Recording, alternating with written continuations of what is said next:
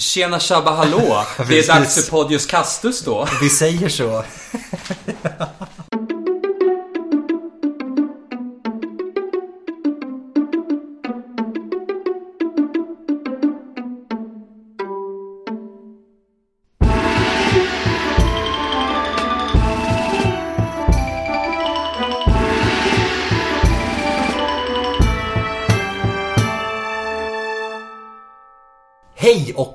välkomna till Podius Castus, en podd om antiken. Vi som sitter här idag, det är jag Adam. Jag Angelica. Och jag Alexander. Och Alexander är ju då gäst hos oss. Ja. Eh, vill du berätta lite mer om vem du är? Eh, ja, hej allihopa. Jag heter Alexander Svedberg och eh, jag har tidigare studerat antiken med Adam och Angelica och Emily och Hanna vid Stockholms universitet. Ska jag säga någonting mer? Vi kör jävpolitik så vi skriker Ja, om det. precis. Ja. eh, nej men det räcker väl gott. Ja, det tror jag. Ehm, gammal kursare. Gammal kursare. Ja, Ja. Som är här och ska prata om vad då? Vi ska prata om det antika monstret. Det är ju väldigt kul. Ja. Eh, till en början så ska vi väl prata lite grann om själva definitionen. Mm. Om vad ett monster är för någonting. Vill du, vill du ta, ta den? Ja, jag kan eh, ta vidare. berätta? Ja. Vad ja, precis. Vad är egentligen ett monster? Ja, det är ju en väldigt svår fråga att, att svara på Ja, men nu egentligen. ska du svara. Eh, ja, eh, men för att besvara den här frågan så tänkte jag att vi kunde utgå lite snabbt från den franska filosofen Michel Foucault. Eh, och Foucault gjorde på 70-talet, mellan 74 och 75, en, en eh, serie föreläsningar i Frankrike. Där han bland annat lade fram en eh, teori om det abnorma inom mänsklig kultur. Eh, Och där så skriver han bland annat om monstret. Han skriver framförallt om mänskliga kroppar som är abnorma men också om monsterdefinitionen eh, historiskt. Eh, Och då har han en definition som jag tyckte var en intressant utgångspunkt för den här diskussionen. Där han skriver Monstret uppträder och fungerar vid precis den punkt där naturen och lagen löper samman. Och han menar vidare att monsterkonceptet är en juridiskt naturlig sammanfogning. Spännande. Precis. Och då, om man då spinner vidare på det lite grann. Hur skulle man kunna ja, förklara det? På något sätt, alltså enkelt sätt så att säga. Vad, vad är det egentligen han menar med det? I Michel Foucaults egen teori så menar han ju då att, och han utgår här från lite tidigare teorier kring den monstruösa kroppen och det monstruösa beteendet.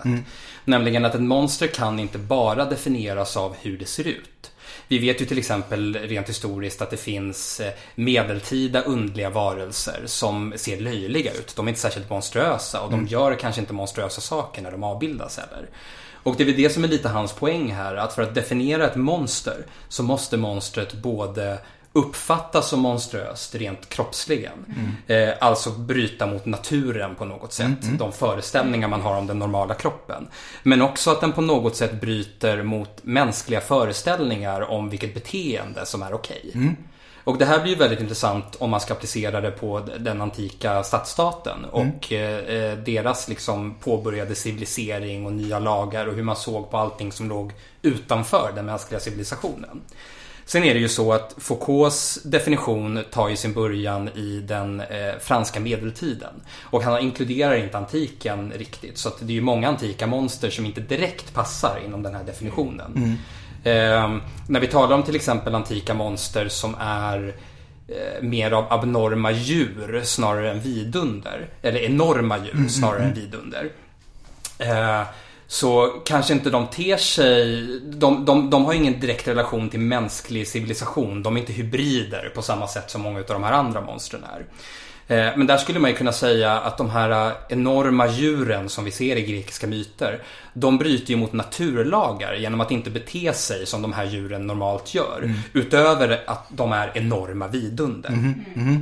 Så att det, det gäller som sagt att man sticker ut både rent utseendemässigt och formmässigt och beteendemässigt. Ja, det är den Det är definitionen det, så. går på idag ja, i alla fall. Det är precis. Sen ska ju inte, som sagt det finns många andra som har andra definitioner på vad man skulle Absolut, kunna det är också. ju ett, ett, eh, det är vitt och brett diskuterat den, här, den här definitionen av monster. Nej men för att sammanfatta då hur man skulle kunna se på det antika monstret så skulle man ju kunna säga att eh, vad som utgör definitionen av onaturligt eller abnormt är alltså att det rör sig om något som varken är mänskligt eller djuriskt utan kanske någonting mitt emellan. Eh, det kan vara ett kolossalt djur. Det kan vara ett vidunder som liknar någonting man aldrig tidigare har sett. Som kanske består av många olika djur och människokroppar.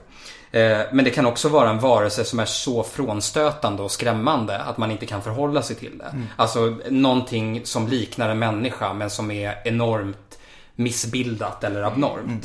Och utifrån de här definitionerna där det monstruösa bygger på mötet mellan hybridkroppar och abnorma kroppar i kombination med ett gränsöverskridande och nästan barbariskt eller groteskt beteende så skulle man kunna förstå de här olika monstren som vi vill diskutera i podcasten idag. Och om vi då tänker liksom om vi går vidare just med själva, nu har vi pratat om definitionen. Eh, själva ordet då? Monster. Ordet monster det kommer ju av latinet. Och det är ordet monstrum. Som då romarna associerade till ett, ett järtecken, en varning. Eh, från monere, att varna, verbet. Eh, och monstrare, att visa. Eh, demonstrera är ett, ett, ett ord som kommer av det ordet också. Eh, Och i den grekiska, eh, så, eller i det grekiska, så användes många olika ord för monster. Eh, Som emellertid alla betyder något likartat, ska vi då säga. Eh, Teras är ett ord. Det kanske vanligaste grekiska ordet för vidunder. Betyder också järtecken. Så likt det romerska där så finns det en gemensam nämnare. Eh, Men också någonting som är liksom fysiskt monstruöst. Någonting som ser verkligen monstruöst ut. eh, Om jag, får formen. Ja. Mm. om jag får inflika snabbt där så är det intressant för att terras, det ordet, har också givit upphov till eh, eh, teratologin som är studier om missbildning hos människor och mänskliga foster. Det är intressant. Eh, Så att det finns Mm. verkligen någonting, apropå det här med abnorma kroppar och det monstruösa, att det finns ett arv där som har levt vidare Mm. från den grekiska antiken. Det är superintressant. Eh, sen har vi också pelor eh, som också användes. Eh, med samma dubbla betydelse då, bjärtecken eller vidunder. Och, an, men anknyter då till det, liksom det senare ordets grundläggande betydelse, det här vidundret. Någonting häpnadsväckande, någonting ovanligt, förunderligt eller liksom stort. Någonting som är speciellt. Ehm, och de här an- orden då används om bland andra eh, alltså Medusa, som vi har som ett exempel som vi kommer återkomma till senare. Stora ormar, som vi också får anledning till att återkomma till senare. Kerberos, Sfinxen till exempel bland annat. Eh, sen har vi eh, Theria, också ett begrepp som användes. Och Knodala, som bägge betyder odjur också. Så det finns många ord. Att, eh, kärt barn har många namn ska vi säga. Det är väldigt intressant det här tycker jag att det finns den här dubbelheten i att det betyder järtecken Mm. och att det också betyder någonting som är ja, men vidunderligt eller som man inte känner, man, som är överraskande och fasansfullt. För jag tänker när man talar om Terra så talar om det här arvet som går vidare till mänskliga abnorma kroppar. Eh, senare i historien när man talar om monster eh, längre fram då är det ju ofta människor som är ja, men som är missbildade. Eh, som lyfts fram som monster och lever vidare då i teratologin. Och eh, under, den- under eh, i romersk historia så sågs ju ofta missbildade barn som järtecken från gudarna. Eller någonting ondskefullt. Just det. Så det finns ju verkligen många bottnar där eh, att ta hänsyn till när man diskuterar ja, men relationen mellan mytologiska monster och då vad som sågs som monster i en civilisa- civilisatorisk eller juridisk mening. Just det. Att det fanns ju faktiskt människor som bara såg enligt den definitionen under den här perioden väldigt monströsa ut. Jag vet inte, minns ni den här, den här brunnen som man hittade på Akropolis? Med alla de här spädbarnskropparna som Ja, låg i. Och det. ovanpå dem så låg ju skelettet av en missbildad man. Just det, precis. Eh, och jag minns att det var en massa spekulationer kring det här om, om han hade blivit liksom mördad och nerkastad där på grund av sina kroppsliga lyten. Mm, just det.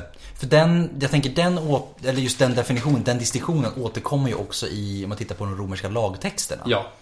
Eh, där just pratas ofta, liksom just det här med det monstruösa omnämns ofta i fallet just kring barn. Som, alltså födda, alltså nyfödda barn, så att säga. Eller kvinnor som föder nyfödda barn, så att säga. Eh, att man har just den, den kopplingen redan där, Ja. säga, i de texterna. Och jag vet också att man i, eh, under antiken så gjorde man ju också språkmässigt skillnad mellan eh, kroppar som föddes monströsa och sen eh, monströsa tendenser eller monströsa kroppar som utvecklades så att säga när man växte upp. Och nu kommer jag tyvärr inte ihåg exakta ordet för det, Nej, men jag nej. vet att det existerade. Jeps, absolut. Men det är också, det just, tänkte jag också det liksom just det konceptuella. Ja. Att hur man, hur man ser på ett monster. Som Mm. sagt då. Att veta att det behöver inte vara just det här jag tänker som när vi tittar tillbaka på de grekiska myterna till exempel. Det behöver inte enbart vara de monstren vi pratar om under antiken. Utan det kan också vara liksom rent, så att säga, mänskliga former helt och hållet. I just det här. Ja, för vi vet ju att romarna och grekerna hade ju en, en fäbless för men, vad de ansåg vara abnorma kroppar som hermafroditer, eh, kortväxta personer. Alltså vi ser ju konsten att det här det, det, det fanns en vurm för grotesker, groteskerier kring kroppar som inte liksom ansågs vara de normala kropparna. Och så det känns ändå som att den här synen på mytologiska monster och den här synen på liksom monster inom det, eller monströsa inom det mänskliga samhället flyter verkligen ihop på vissa sätt.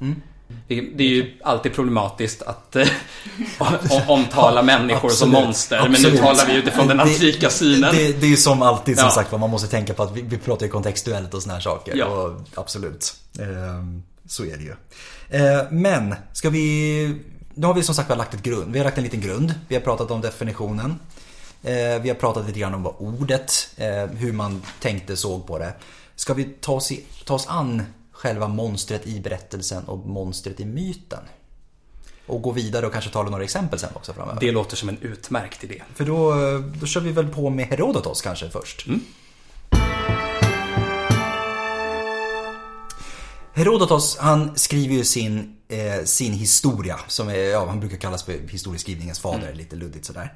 Eh, han pratar ju om bland annat enögda skytiska människor och Skytien det är då det område som ligger norr om Svarta havet, lite löst geografiskt placerat sådär.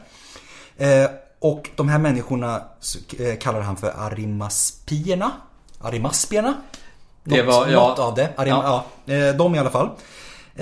Och de är, väl, de är väl enögda? Är det det som är grejen med dem? Visst är det så? Det stämmer. Ja, Ja. då minns jag rätt. Eh, Sen pratar han också om människor som lever söderut i Afrika som har hundhuvuden. Eh, kanske i löst egyptiskt inspirerat, han har sett någon väggmålning någonstans i Egypten kanske. Ja. Eh, också om gripar eh, som är, det är hybriddjur. Eh, lejonkropp, örnvingar, örnhuvud och såna här saker. Eh, han pratar om flygande ormar eh, sen och va, stam av varulvar uppe i Skytien också. Och han förhåller sig då aningen skeptisk till de här utsagorna. Men man ska ju säga det att alltså, Grekland överlag är ju i allmänhet väldigt mycket alltså, genomsyrad av de här typerna med mytologiska monster, mytologiska bestar. Ehm, och som var liksom väldigt centrala inslag i väldigt viktiga texter. Om vi tar till exempel Iliaden och Odysseen. eh, Så figurerar monster ganska centralt i ett par utav dem i alla fall.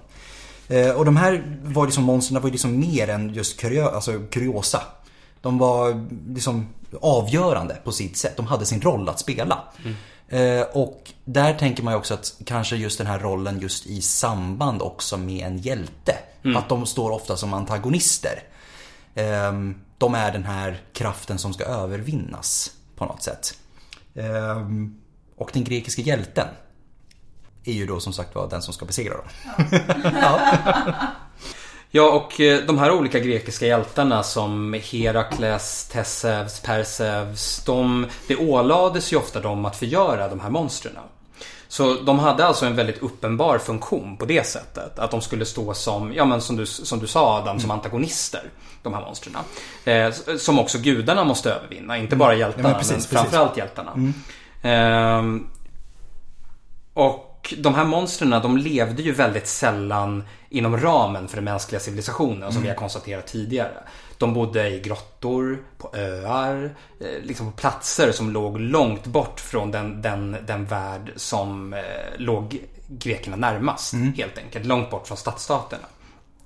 Till exempel så levde ju sfinxen vid berget eh, Fikion utanför Thebe, jag tror att det uttalas så. Eh, och eh, Polyphemos då, cyklopen, han bodde på cyklopernas ö. Eh, Så som vi har konstaterat tidigare så levde de alltså utanför alla de här samhällslagarna och gjorde ofta sina egna lagar också. Jag tycker det är intressant till exempel med sfinxen att eh, när, när Sphinxens gåta har blivit löst så dör Sphinxen. Och det är ju nästan som en, som en annan typ av, eh, av lag som. Sphinxen lever under. En monstruös lag eller en gudomlig lag. Eh, Så det är väl någonting som är ganska gemensamt för alla monster egentligen. Just det, precis. Ja, att, de... existerar utanför det som man ansåg vara mänskligt. Absolut. Och det är ju liksom just det här, jag vet vi har pratat om det tidigare också. Eh, minisnittet om Herakles bland annat. Just det här att det blir den här motsättningen mellan civilisationen och kaoset. Ja, Där monstren som sagt symboliserar kaoset. Och ja, hjältarna eller gudarna som kämpar mot monstren blir här ordningens representanter i, i den här kampen.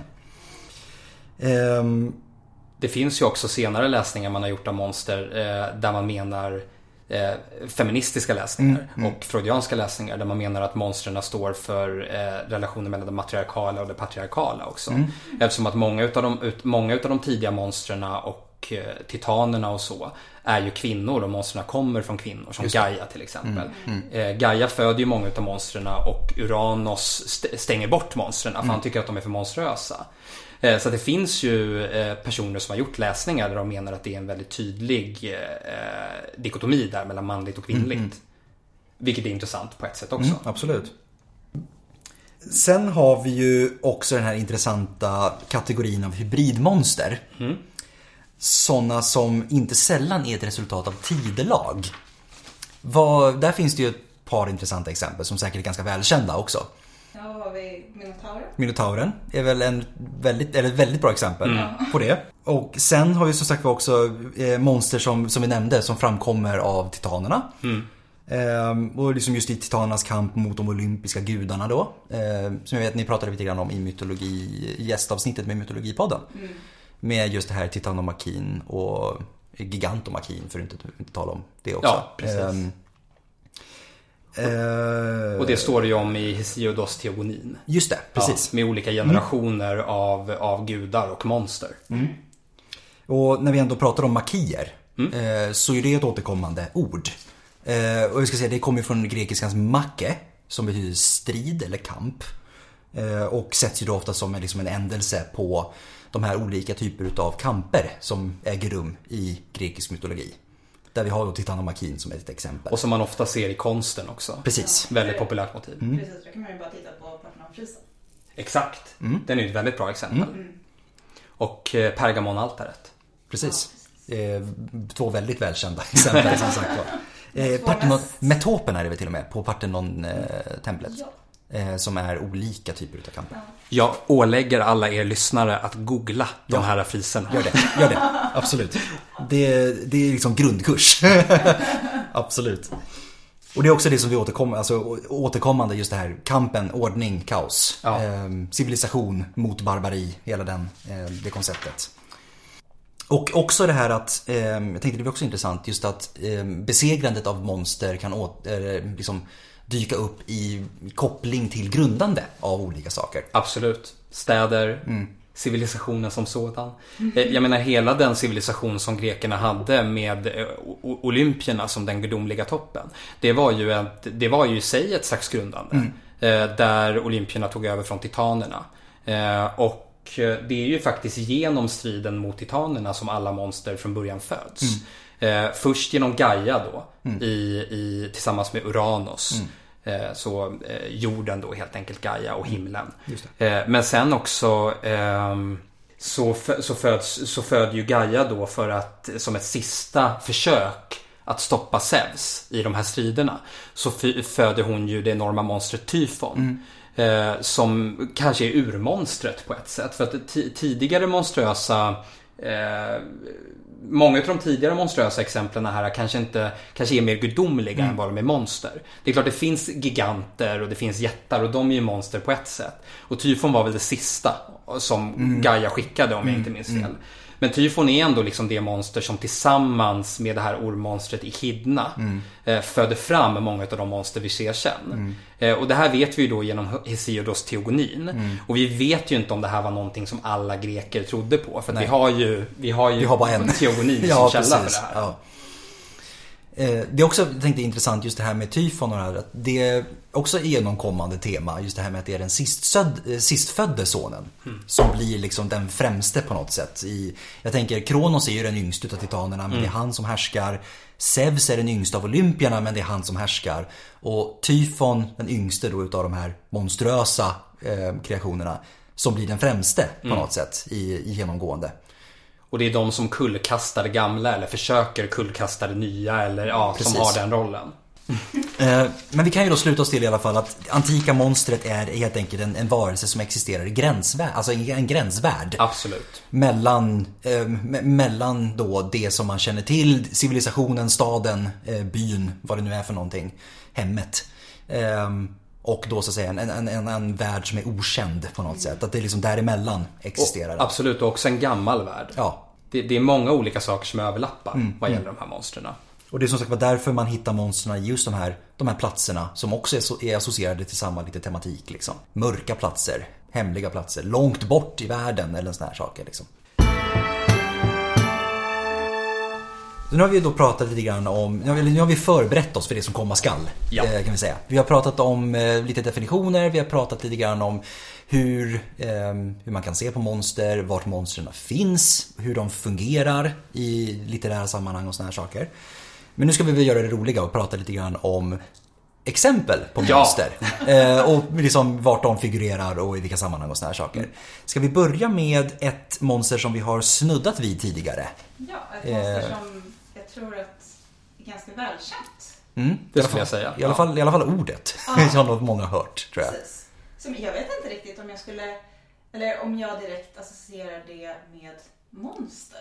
Ja. Men sfinxen. Mm. Jag tänker liksom Egypten. Mm. Jag tänker mer liksom estetiskt. Ja, nej, men jag kan hålla med dig där. Den egyptiska sfinxen var ju nästan no- ädel på något Ja. sätt. Ja. Jag skulle inte säga liksom det är ett monster, men ja, det är ju ett monster. Det är jag. det, det är en sak som är säker. Men sfinxarna eh, har en lång historia med varianter i bland annat Egypten, som vi har sagt. Och eh, den egyptiska sfinxen, om vi ska ta den, eh, den så kallade androssfinxen, det var manlig. Den saknade vingar och hade enbart en lejonkropp och ett människohuvud. Och det är, typ, det är ju det jag tänker på. Jag tänker på den här sfinxen. Ja, precis. liksom- Den, den sfinxen med stort S. Ja, exakt. Eh, sen har vi eh, i Mesopotamien då. Det fanns andra snarlika varelser. Eh, och eh, här har vi beskyddaren Lamassu. Lamassu? Ja, Jag tror att det är Lamassu det Lamassu, uttalas. ja. Ja. Eh, men Lamassu, han, han, hen, Han. han eh, var gudomlig och välvillig. Nu vet jag inte hur sfinxen i Egypten Men det var väl en... Det var väl ju ofta också härskare. välvillig, Ja, det var ofta härskare Ja. som var avbildade som de också. Ja. Och Lamassun den hade ju så här en hög hatt och ett långt korkskruvsskägg, tror Ja, jag. fantastiskt. Ja. Jag tror att folk har Ja. sett dem också. För Ja. det de, de brukar fi- figurera här och där. Ja. Det är de här som ser ut som Ja men de, de har vingar och hela Ja. den här biten liksom. Ja. Eh, Ishtarporten om man har Ja, sett Ja, den. så har man precis. sett Precis jag Ja. tänkte på. Mm, Ja. mm. Sen har vi den grekiska varianten som var kvinnlig. Och det bestod av en lejonkropp, fågelvingar, ormstjärt och ett människohuvud. Och eh, om vi pratar den grekiska konsten så började sfinxen eh, främst dyka upp under den orientaliserande perioden. Alltså runt det sjunde århundradet före vår tideräkning. Men är framförallt känd genom myten om kung Oidipus. Om vi tar Sofokles pjäs, kung Oidipus, så eh, där sfinxen kallas för den gåtfulla jungfrun med rovdjursklor. Eh, så terroriserar den här sfinxen eh, området kring Thebe och dödar alla som inte kan besvara hennes gåta. Eh, och Sofokles, eh, han specificerar ju inte vilken gåta det är, men det finns en variant.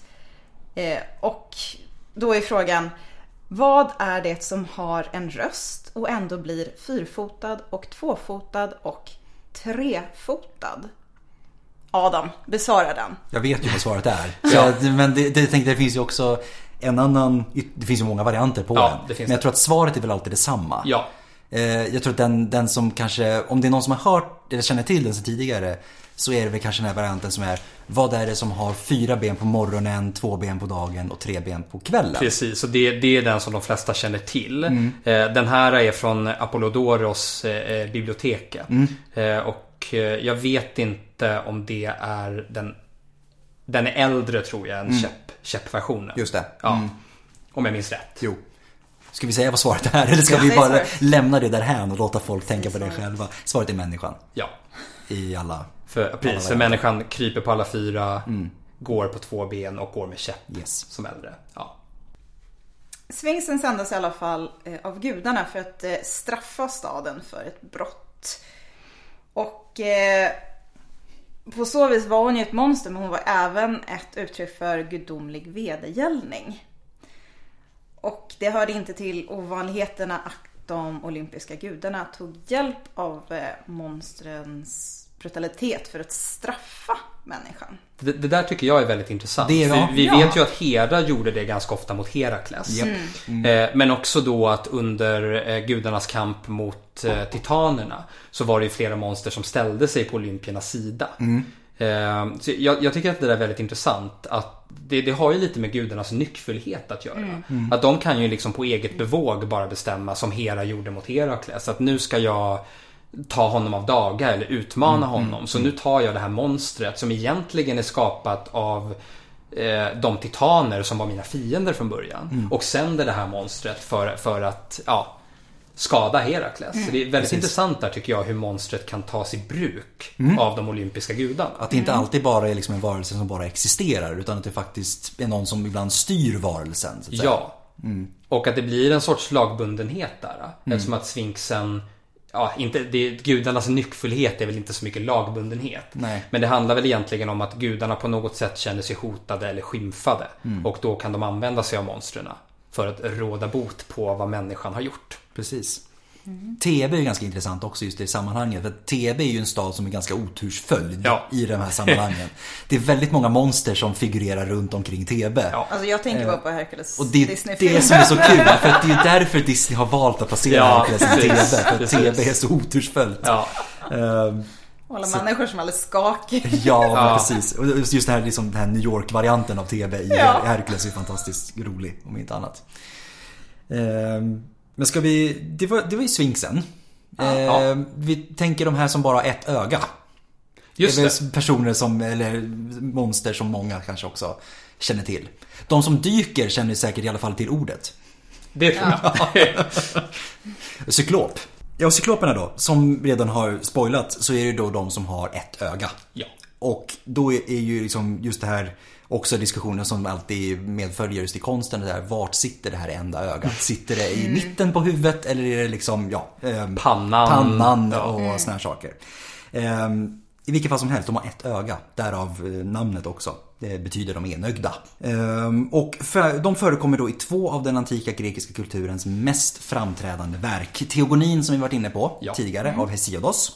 Och Odysseen av Homeros. Säkert i fler, men det är de två största. Det är där de- verkligen ja. är utpräglat förekommer. Där de har, Ja. där de har huvudroller, skulle Ja. man, på, eller i alla fall bi, viktiga biroller kanske. De har, eh, de, de skulle bli nominerade för Best Supporting Actor. Det, ja, ja, ja, definitivt. Eh, I Teogonin då så beskriver Hesiodos hur Gaia då, eh, modern, eller modergudinnan, den stora modergudinnan, jorden. Eh, efter att hon har fört fram det här släktet då med månghövdade och månglemmade jättar vid namn Hekatonkeirerna. Det är en tung, uh, tongue twister. Snyggt jobbat. Ja. Ja, riktigt snyggt. Imponerad. Eh, så föder hon tre cykloper. Som då är urstarka och med ett enda stort öga och här har de det mitt i pannan. Ja. Och de här cykloperna strider senare på de olympiska gudarnas sida mot titanerna. Så där har vi igen där att monstren byter sida. Inte Precis, och som vi var inne på tidigare så var ju det för att Uranos tyckte att de här var så hemska och missbildade Mm. så att han stängde in dem och sen släppte de olympiska gudarna ut de här cykloperna. Just det, och då såklart vänd- väljer de den sidan som inte låste in dem. Eh, Den mest kända cyklopen, eh, han, åter, han återfinns ju i Odysseen. Eh, Och det är Polyphemos. Ja, Poseidons son. Ehm, Det är också intressant att många av cykloperna är söner till Poseidon. Ja. Efter, efter världen, så att säga. Eller världen efter titanerna. exakt. Ehm, Och då är det då Odysseus och hans, eh, hans besättning eh, som går i land på den eh, mytomspunna, mytomspunna Cyklopernas ö. Och i likhet med den här definitionen av monstret som eh, har lagts fram, det här med ena ögat, enda ögat. Så beskriver då Odysseus cykloperna som ett släkte helt utan lagar eller civilisation. Ska vi läsa den här fina eh, utdraget ur Ja, det är, det är Erland Lagerlöfs översättning. Då lyder den som följer. Ett trotsigt och laglöst släkte det är. I bekymmerslös lit till de saliga gudar sätta de varken en planta med hand eller idas att plöja. Utan där växer på markerna allt utan såning eller plöjning. Icke de rådslå heller på ting eller äga de lagar. Utan på åsarna högt bland bergen de hava sitt hemvist inne i grottornas valv. Och en var som domare själv råder över maka och barn och frågar ej efter de andra. Mm. Det är ju det är en väldigt fin översättning. Det är en fin översättning och det är väldigt intressant också för att just det här avsnittet samlar ju väldigt mycket av det som vi har pratat om ja. tidigare. Det är väldigt mycket så här att det är dem. Ja, De andra. De andra, precis. Precis. Vi, vårat samhälle ser ut så här, men deras samhälle är ju... Vad, vad är det här liksom? Exakt. Hur, hur kan man leva så? Ja. Och sen inom cyklopsamhället också så tycker jag att det är intressant om man tittar på den eh, eh, atenska demokratin. Att här, här står det ju väldigt tydligt att de envar som domare själv råder över maka och barn och frågar ej efter de andra. Så de agerar inte alls som de här demokratiska medborgarna Nej. gjorde i Aten. Inte ens som man gör i en oligarki heller Nej. för den delen. Liksom, att det, de, all, alla kör sitt eget race Precis. eh, på Cyklopernas ö. Ja, Och det är liksom igen det här som sagt var, jag sitter och tjatar om det hela tiden men just det här ordning och kaos. Eh, Man, man så att säga definierar sin egen ordning genom de andras kaos. Eh, Det är en jämförelse med de andras kaos i alla fall. Utöver det här då. Eh, Cykloperna har ingen civilisation, de bestämmer helt och hållet över sig själva allihopa. Ingen bryr sig om de andra. Ingenting, ingenting, nej. De är också brutala. Eh, Så där har vi det här liksom också att bete sig. det monstruösa Eh, beteendet. Exakt. Ja. Och det här syns ju då när Polyphemos hittar Odysseus och hans besättning i sin egen grotta då. Där han börjar slå ihjäl dem. Och fortsätter på cita- citatet från, eh, från översättningen. Han rusade upp och en våldsam hand på mitt manskap la, det är alltså Odysseus som pratar, inte jag. Och gripande två på en gång, han slog dem i marken liksom valpar, det är en fin bild för Men övrigt. Ja, det blir bättre. Och hjärnan rann ut och fuktade jorden. Lem för lem han i stycken de skar och åt upp dem till kvällsvard. Eh, så att, ja, han, han, blir ju, han är ju inte särskilt gästvänlig. Nej. Och vi vet ju att är det någonting som är viktigt i Grekland så är det gästfrihet. Ja. Eh, Och här lyder han ju riktigt inte alls under de lagarna heller. Nej. Inte så han bryter ju mot all mänsklighetens lag egentligen i liksom Och, och det här. också det här som vi alla reagerade på med att han slog dem i marken som valpar. Där ger ju eh, eh, Homeros verkligen uttryck för cy- eh, cyklopens storlek jämfört med de andra. Just att han var så, så abnormt stor. Förekommer valpar i originalgrekiskan? Det kan jag faktiskt inte svara på för att det- eh, Erland Lagerlöf kan nog ta ut svängarna lite Ja, ibland. jag tänker de det, det är ju väldigt, det är ju väldigt poetisk översättning Ja. tänker jag. Då krävs det nästan att jag tänker han ville säkert passa in det med metern också. Precis, jag tror det. Och vi skulle ha kollat upp det här innan. vi ber om ursäkt. Det, vi, man, man får ursäkta sånt. Ja, ja. För det vore ju intressant för det tänkte jag också. Just om det, om det här är verkligen någonting som eh, Homeros har lagt, eh, lagt in. Eller om det är någonting som översättningen har lagt in. Jag kan ändå tänka mig att det finns någon form av motsvarighet för att det känns som när monster förekommer i antik litteratur eller i religiösa texter. Eh, Att, att det är ofta väldigt mycket fokus på storleken och storleksskillnader. Som vi var inne på tidigare också, just det här med de som bara, eller bara inom citationstecken, är stora djur. Ja, Så är det storleken som är det monströsa på något ja. sätt. Utöver liksom att de kanske dödar människor. Ja. ja. Men det är liksom, det är inte den här, det är inte den lilla, det är inte den lilla monstret utan det är Nej. liksom alltid det stora monstret på något Nej, sätt. det är väldigt sällan små och löjeväckande monster. Ja. Men i vilket fall som helst, en bra sammanfattning i alla fall så är det att Polyphemos är liksom sinnebilden av ett monster i just hans funktion i Odysseen i det här fallet.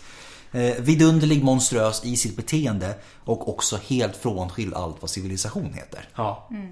Det enda som egentligen, den enda monsteraspekten som Polyphemos kan sägas sakna det är ju att han inte har någon, någon kroppsdel som är lånad från något annat djur. Ja, just det. Ja, det är Precis. sant. För att cykloperna beskrivs som mer eller mindre bara som alltså, gigantiska människor. Ja, med ett öga. Med ett öga. Ja. Ja. Så att det är i och för sig också det här just det här med abnorma Absolut. Eh, människoformen Ja. så att säga. Som återkommer där. Så mycket för cykloperna. Eller i alla fall en av cykloperna. Eh, det finns ju flera som återkommer i andra Ja. berättelser och myter och såna här saker.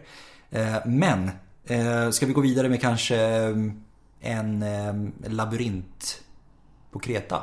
Minotauros.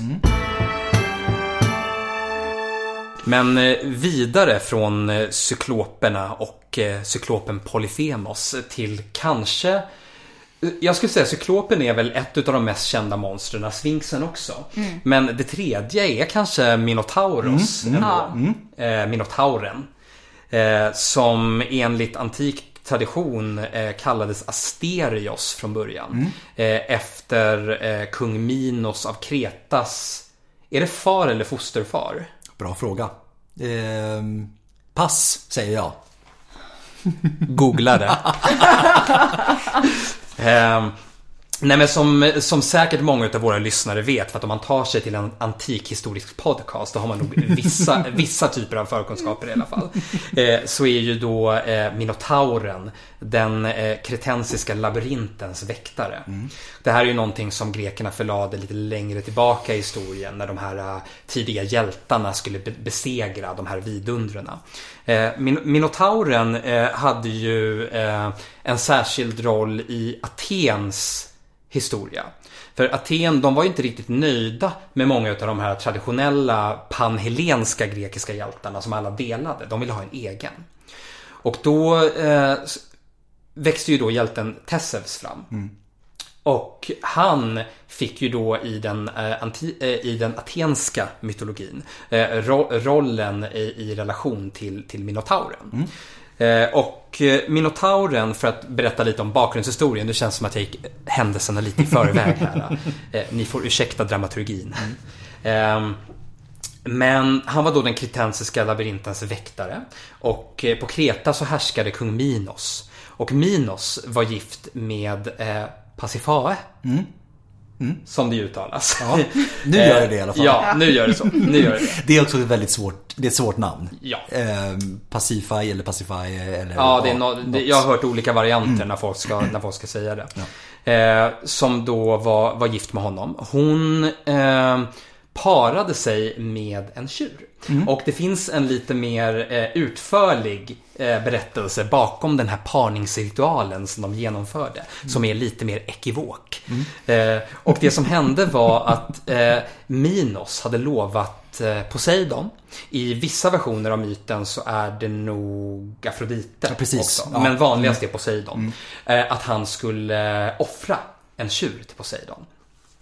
Eh, och se, sedan gjorde han inte det helt enkelt. Han, eh, ja, Han sket det. han sket det. Ja. Det var en Eh, fin tjur, han ville bara ha kvar det var en väldigt fin tjur. Och det tyckte hon med. Det tyckte hon med. Eh, hon tyckte det särskilt efter att Poseidon själv hade så här uppmuntrat henne lite att, eh, att, att titta lite extra på den här tjuren. Eh, så det som hände helt enkelt var att eh, Poseidon upptände begäret efter den här offertjuren som aldrig offrades i, i Minos hustru. Eh, och hon gick då till den mytiske uppfinnaren Daidalos. Eh, och bad honom att bygga en träko som hon kunde klättra in i så att den här eh, eh, tjuren sedan kunde betäcka henne. Det är en sån fin bild. Ja, det, vad gör man inte för kärleken? Ja, den här, ja, herregud. Det, är- ja. Love finds a way. vi, vi, vi, vi dömer inte. Vi, nej, Lite. lite bara. Vissa av oss Lite ja, dömer vi. lite dömer Lite vi. dömer vi. Ja, Lite. absolut. Eh, Daidalos för övrigt är väl eh, pappa till Ikaros? Han är pappa till Ikaros och eh, det kan vi också prata lite om sen. Va, va, hur det här eh, hör samman Just det, precis, med absolut. Ja. Daedalus och Ikaros eh, flykt. Yes. Eh, men det som hände i alla fall var att eh, hon blev gravid. Drottningen blev gravid och det var inte Minos barn. Nej. Det var tjurens. Wow. Eh, Men och- hur, hur visste de det? Ja, det är svår, svårt att veta. Jag giss, gissar att de såg eh, att de misstänkte någonting baserat på, på anletsdragen. Mm, ja, För, eh, Han, ja, var- han var lik sin far. Ja, Precis, han var tänkte- väldigt lik sin far. Tog efter sin far snarare än sin mor. kan ni tänka er den ultraljudsbilden? Ja. Den Första... Men eh, det som hände helt enkelt var att hon födde det här barnet och barnet hade ett tjurhuvud. Ja. Ja, och en människokropp. Men alltså jag tänker liksom, kalvar är ju så jävla söta. Ja. Det, alltså, hur kan man vara ledsen om man har liksom ett barn med liksom ett kalvhuvud? Det måste ju vara världens gulligaste unge. Ja, man Ja, tänker idag ja. på så här gårdar när man matar lilla kalven med en nappflaska. Ja, så tänker man att de satt där med lilla Minotauros med en nappflaska. Jag tänker Mandelmannsgård. Det finns ju faktiskt... Mandelmans labyrint i Ja. spinoffen sådär. Men det, när vi ändå är inne på det, det finns ju faktiskt de här väldigt ömsinta eh, avbildningarna på vaser. Där, där hon sitter med baby minotauren i, i, i knät. Och det, det är en väldigt så ömsint avbildning, i alla fall med våra ögon. Det är ju svårt att veta exakt vad de läste in i det här. De kanske tyckte det var gräsligt att hon satt där med ett eh, spädbarn med tjurhuvud i knät. Men vi är lite furries här, alltså vi tycker det vi tycker det är fint. Absolut. Eh, ja, men och ja, såklart. Minos insåg ju att ja, men det här är ju inte min son. Jag, jag är plastpappa. Ja. Men eh, ja. Men eh, som, som många plastpappor i kulturen har gjort så behandlade inte Minos det här barnet särskilt bra. Nej. Utan stängde in det i den här labyrinten som eh, Daidalos byggde. Det här med styvföräldrar är inte alltid ett... eh, Nej. Nej, i alla fall i populärkulturen. Och då, det, det tidigaste exemplet vi känner till eh, i litteraturen på, på den här myten, det är då från det ofullständiga verket Kvinnokatalogen. Eh, där de skriver sedan hon blivit gravid födde hon åt Minos en kraftfull son. Förunderlig att se, för kroppen var en mans. Ned till fötterna, men ovanför var huvudet en tjurs. Det var en fin beskrivning. Där ville de inte riktigt säga att det inte var Minos son egentligen. Nej, just det. Precis. Eh, Men sen även så finns det då eh, Euripides tragedi Kretensarna och båda de här eh, återfinns bara i fragment. Eh, Men i Kretensarna så vet man att det finns en hel diskussion om vem som bär skulden för att Mi- Minotauren föddes. Ah, ja, ja. Väldigt spännande. Hade de velat läsa i sin helhet. Absolut. Absolut. Minotauros var ju då helt enkelt, som vi har tagit upp tidigare, ett resultat av en naturvidrig överträdelse där människa och djur parade sig. Även om Poseidon hade fingret med i spelet här. Och det här tjurmonstret då, då, Minotauren, stängdes in i den här labyrinten och levde sen av köttet från unga män och kvinnor. Eh, som sändes från Aten. Eh, vad, vad ska man säga, de var ett slags tribut. Ja, Ja. ja. precis. Och, eh, och sen då spärrades in i den här labyrinten och blev uppätna. Och Tesseus då, som jag tidigare nämnde, eh, blev den hjälte som fick ta sig an den här minotauren. I alla fall i Atens version av myten, Just den vi känner till. Eh, dödade det här monstret genom att ta sig in i labyrinten och sen ta sig ut igen med hjälp av Ariadnes tråd. Och Ariadne var ju då Minos dotter och de flydde tillsammans och hon dumpade pappa och mamma helt enkelt Japp. och sin, sin styvbror. Japp. Eller sin halvbror. Just det, Ja. precis. Just det. Sen blev hon själv dumpad. Precis, och sen blev hon själv dumpad, men det är en annan historia. Och på så sätt så blev den grekiska tjurhövdade sonen en del av hjältetraditionens väv. Japp. Vackert. Precis, fint. Det är fint. Eh, Det är också kul. Eh, Ett av mina favoritetymologier är ju tråden som Ja. Tesefs använder i labyrinten. För eh, ordet, vår ord, vårt ord för ledtråd är ju direkt därifrån. Och det kommer också, tänker, om man också tänker engelskans clue, så är det eh, från fornengelskans, och det uttalas på samma sätt då, clue, men det stavas lite annorlunda. Eh, ett ord för garnnystan. Ja, just Så att faktiskt clue är en, en ledtråd i faktiskt den bemärkelsen att det är en tråd som leder en genom en labyrint. Gud vad spännande, det Ja. har ingen aning om. Ser ni den röda tråden i det här? Precis så. Precis så. Ehm, och sen är det ju Herakles som fångar tjuren som ehm, gjorde eh, drottningen gravid. Och tar med den tillbaka till, ehm, till fastlandet. Ja. Men sen flyr den. För att han, kungen som, Eurystheus då, kungen som Herakles tar tillbaka den till, han vill inte heller offra den. Det är något väldigt speciellt med den här Ja, tjuren som gör att ingen, vacker, ja. ingen vill offra den här tjuren. Eh, så att den vandrar eh, till Maraton och där stöter Tesets på den. Oj. Så att den, eh, liksom, han går fullt lopp där. Ja. Eh, först så gör liksom tjuren, tjurens son, minotauren då, dödad av Tesevs och sen blir det även pappa tjur dödad. Ja. Tesevs cirkel blev sluten. Exakt så. Och Tesevs, han offrar faktiskt tjuren. så att där tog det stopp. Han, eh, han eh, gjorde inte samma misstag. Överlevde två kungar, inte den tredje. Nej. Den där, alltså den där tjuren, den måste ha varit väldigt speciell. Det är som en sån här japansk KB-tjur. Ja, precis. Ingen ville åt den. Eh, Ja, precis. Eh, också intressant för övrigt, i och med att Teseu sen blir liksom den här grundarhjälten för Aten. Ja. Så är ju Minotauren då en del också utav den här grundarmyten. Absolut. Ja. Eh, också det här med att monstren ofta figurerar just vid grundande. Ja, av det är intressant att även om de inte figurerar alltid direkt i ett grundande så, så figurerar de ju väldigt starkt i släktträden för olika platser. Eh, så- ja. Man, man kan verkligen få bruk av de här monstren på olika sätt i de här hjältetraditionerna. Precis. Men om vi ska gå från Minotaurien till, eh, till jättar. Ja, bra Det är, idé. det är ändå någonting som finns, det finns väl även i nordisk mytologi? Oh ja. Ja. Mm. Frostjättar och... Ja, ja. precis. Det här, äh, det stora helt enkelt. Eh, och, men och, nu är vi inte i Nord, eller vi är i Norden, men vi är inte i Norden. Utan vi är i Grekland. Eh, så i, för väldigt många grekiska myter så finns det ju jättar.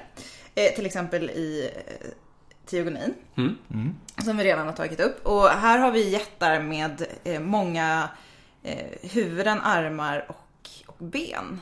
Alltså fler lemmar än vad vi är vana vid. ja. Jag talar för dig själv. Eh, och, och i Teogonin så beskrivs det hur eh, ja, de oerhört fula jättarna som kallas eh, Adam?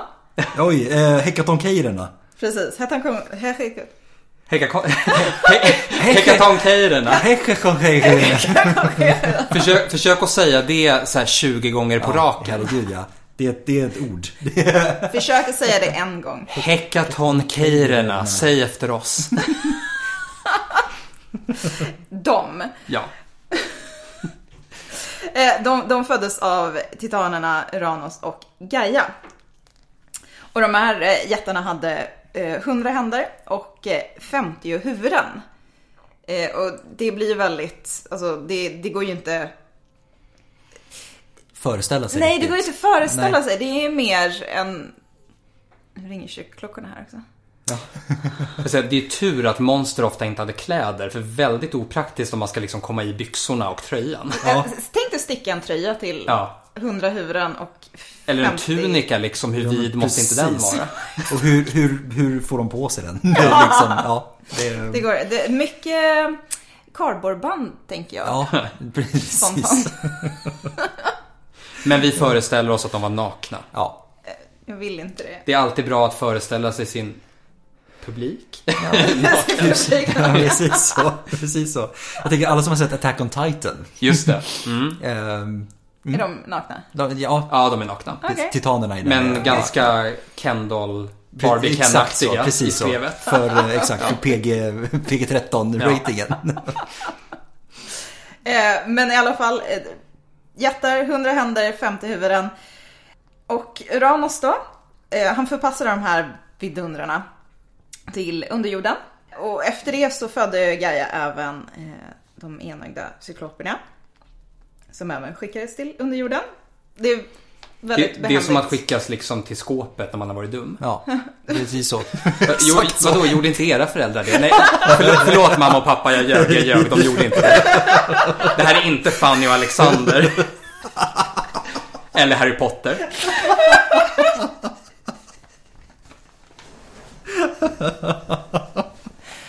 Men istället för att vara dum så var de bara väldigt fula när de föddes. Ja. Men Ja. i den grekiska kulturen så var ju det, det så, så var ju det fysiska lytet och beteendet ganska starkt sammankopplat. Ja. Ja. Japp. Eh, Men vi har ju redan sagt där, de här jättarna var ju, de, de stred ju på olympiernas sida. Och eh, det betyder ju typ de inte är monster. Ja, eller så, ja, eller så liksom tog man monstret i bruk. Ja. På något sätt. och det har vi redan ja, sagt, ja. som med Sfinxen. Vi har ju konstaterat sedan tidigare att den här Foucault-definitionen av monstren, den, den funkar ju i väldigt många fall, men kanske inte nödvändigtvis i, an, i alla. Nej. Vi kommer nog komma in på det lite senare Mm. igen också.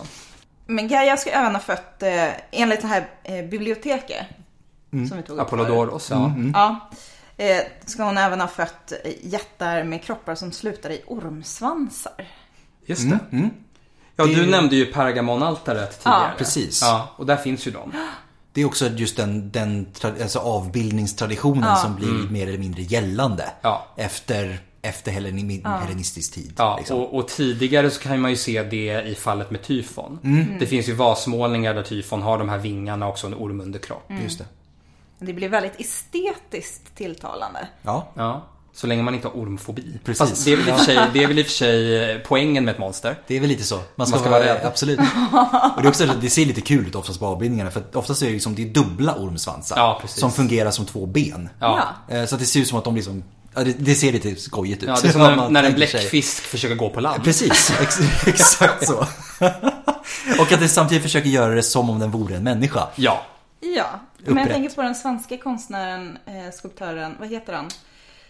Eh, Karl Eld? Eh, Nej. nej, eh, hans eh, museum finns i... Carl Milles. Milles, ja, ja. herregud, Ja. det bara försvann. det finns i Ropsten. Eh, eller Insider tips. Millesgården. Googla det. Väldigt, väldigt trevligt. Precis. Det Och finns Li- Lidingö är det? Lidingö, precis. Jag tänker man åker till Ropsten, sen så åker man vidare till Ja, det- Lidingö. man. Eh, det finns även väldigt trevliga eh, antika skulpturer där. Mm. Men eh, han gjorde väldigt många sådana eh, skulpturer. Mm. Eh, med sjöfolk. Eh, med dubbel... Lite som eh, tritoner och... Ja, precis. Mm, just det. Och där är liksom två ben, fast eh, det är inte ben, det är eh, som... Fiskstjärtar. Ja, precis. Eh, det är lite samma estetik som de här... eh, Tritonerna faller ju också under den kategorin. Eh, som de här jättarna eller giganterna eller vad Ja, man vill kalla dem absolut. för. För Fast, att de är havsbundna. precis. Ja. Precis. Eh, men i alla fall. Ja. Mm, ja. Nu, nu, har, We vi, digress. nu har vi även eh, jättar med ormsvansar och eh, de här var mer brutala och, och grymma. Mer liksom monsterdefinition.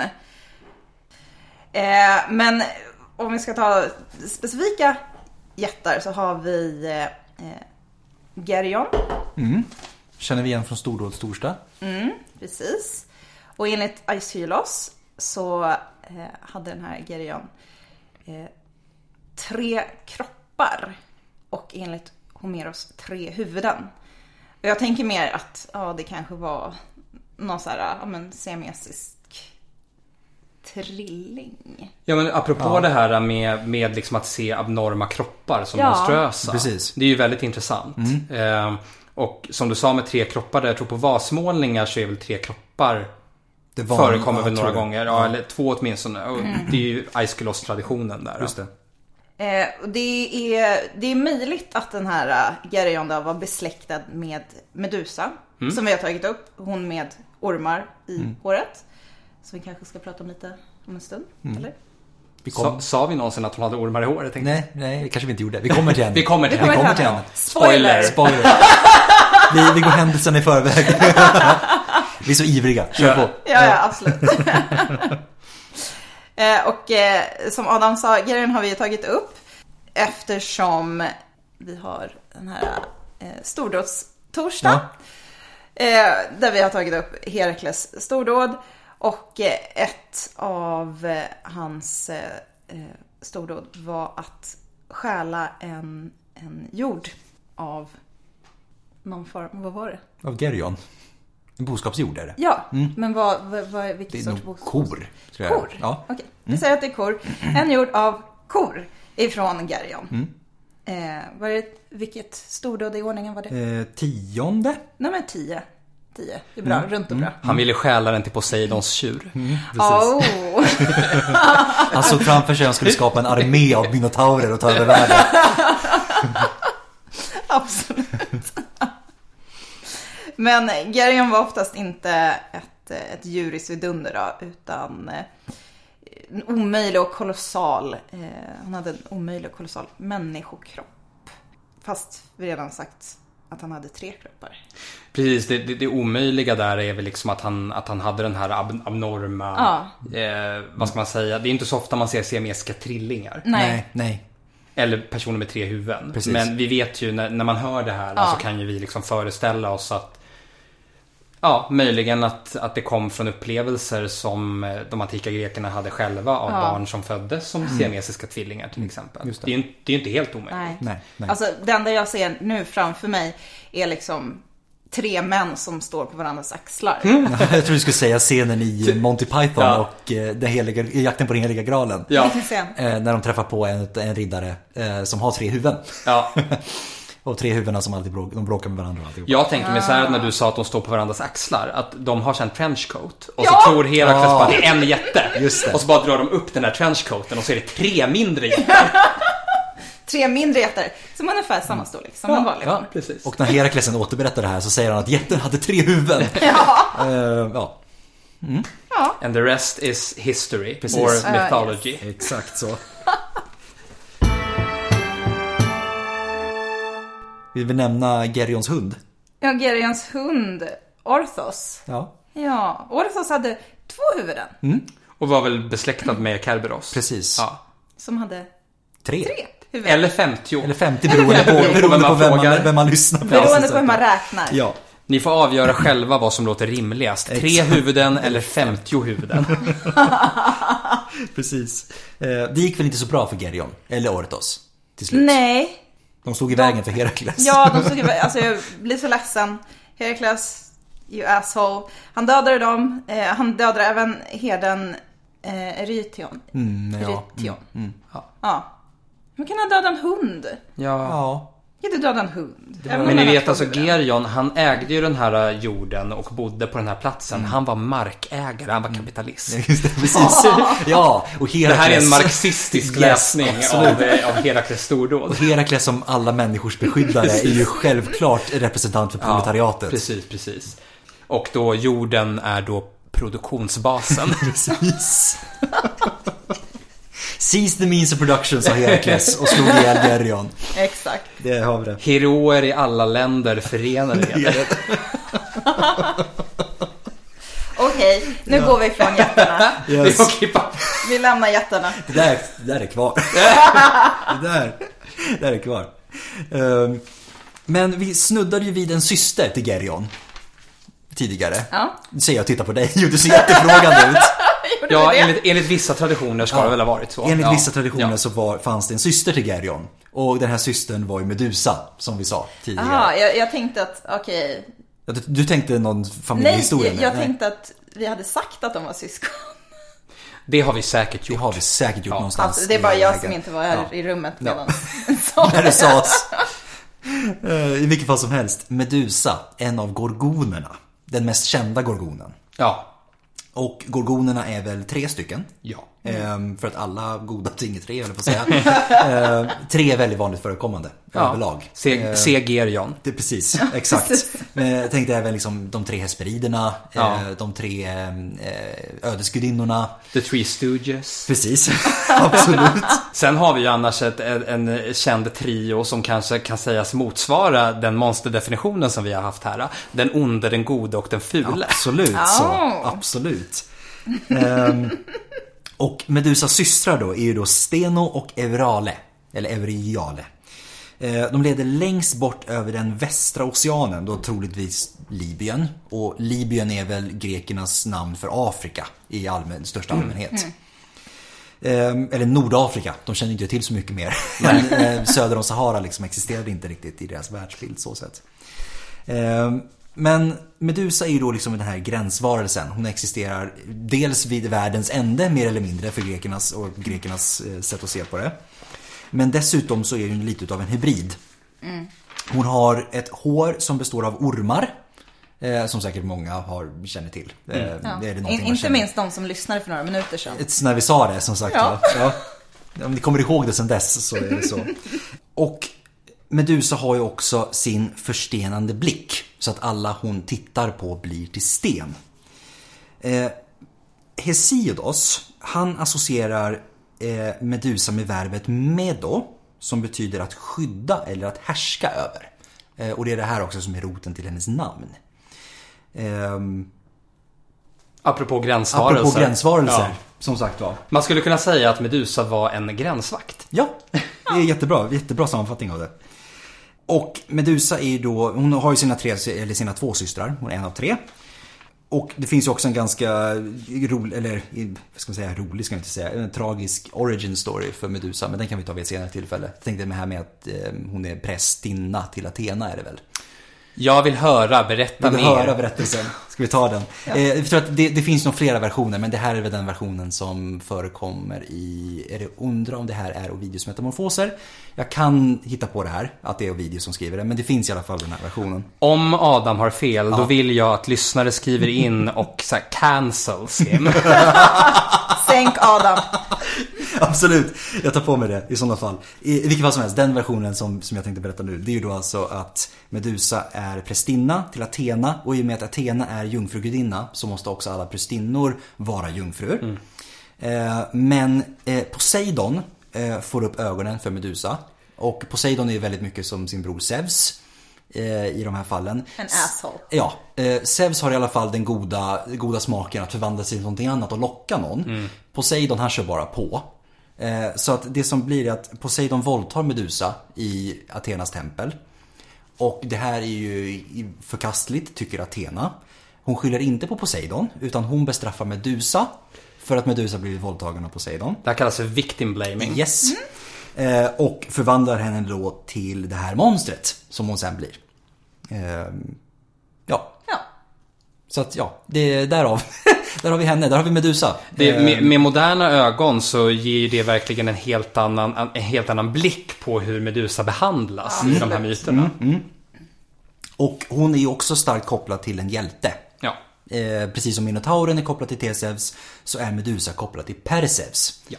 Eh, och Perseus är en, eh, en av de här eh, främsta, de brukar räknas som de främsta monsterdödarna. Eh, grundar sen staden Tiryns på Peloponnesos och är eh, jag tror släkting till, han är väl släkting till Herakles i då ned, nedstigande led, kungarna i Tiryns.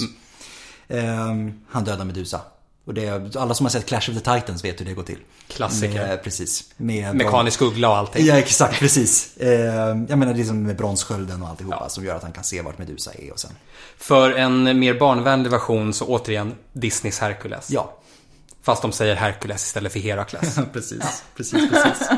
Eh, Men sen så blir det så också att gorgonerna förekommer ju också ofta som eh, skyddande symboler. ja. Eh, Just på till exempel emblem på sköldar.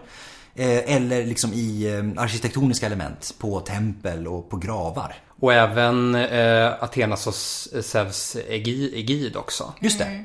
Precis.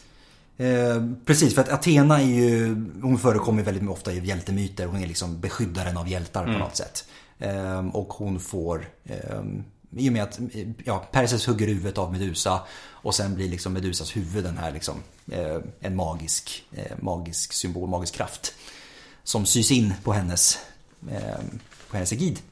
Och de här symbolerna, eller den här symbolen, Medusas huvud, får ju liksom en, en, en, krav- en funktion där den skyddar mot ondska. Ja. De är väldigt populära som du har sagt Adam på tempel men även i gravläggningar hos det. etrusker bland annat. Eh, Jag tycker att en intressant sak man skulle kunna säga om gorgonerna också är att till en början så är de ju så monstruösa och groteska i visuella utföranden. Och sen så blir de väldigt sköna och vackra. En ung flicka var det någon eh, författare som kallade eh, Medusa under eh, klassisk och hellenistisk tid. Så mycket för gorgonerna och Medusa. Nu kommer vi till något riktigt köttigt här. Om ni har väntat på eh, suggestiva eh, monsterbeskrivningar så Det har kommer jag de här. Ja. Eh, jag skulle vilja prata lite om en, en rad olika monster som förekommer i Homeros Odysseen. Eh, och då tänker jag specifikt på Skylla, Charybdis, Sirenerna och i utsträckning Harpyor. Eh, som dock eh, förekommer i annan litteratur. Eh, och för de som har läst Odysseen så eh, när Odysseus har fått eh, trollkvinnan Kirke att återförtrolla eh, hans män så att de blir män igen istället för bestar som hon förtrollade dem till. Eh, så varnar hon dem för de faror som de kommer att möta under, under sin färd efter att de eh, far från hennes ö. Och hon nämner då sirenerna, Skylla och Charybdis. Och eh, traditionen kring de här monstren har sett väldigt olika ut både i litteratur och eh, i konst. Eh, men Homeros han be- beskriver klippvidundret Skylla på det här viset. Återigen i Erland Lagerlöfs klassiska översättning. Sex par fötter i nalles hon har, vanskapliga alla. Sex långsträckande halsar, jämväl och envar med ett hiskligt huvud försedd.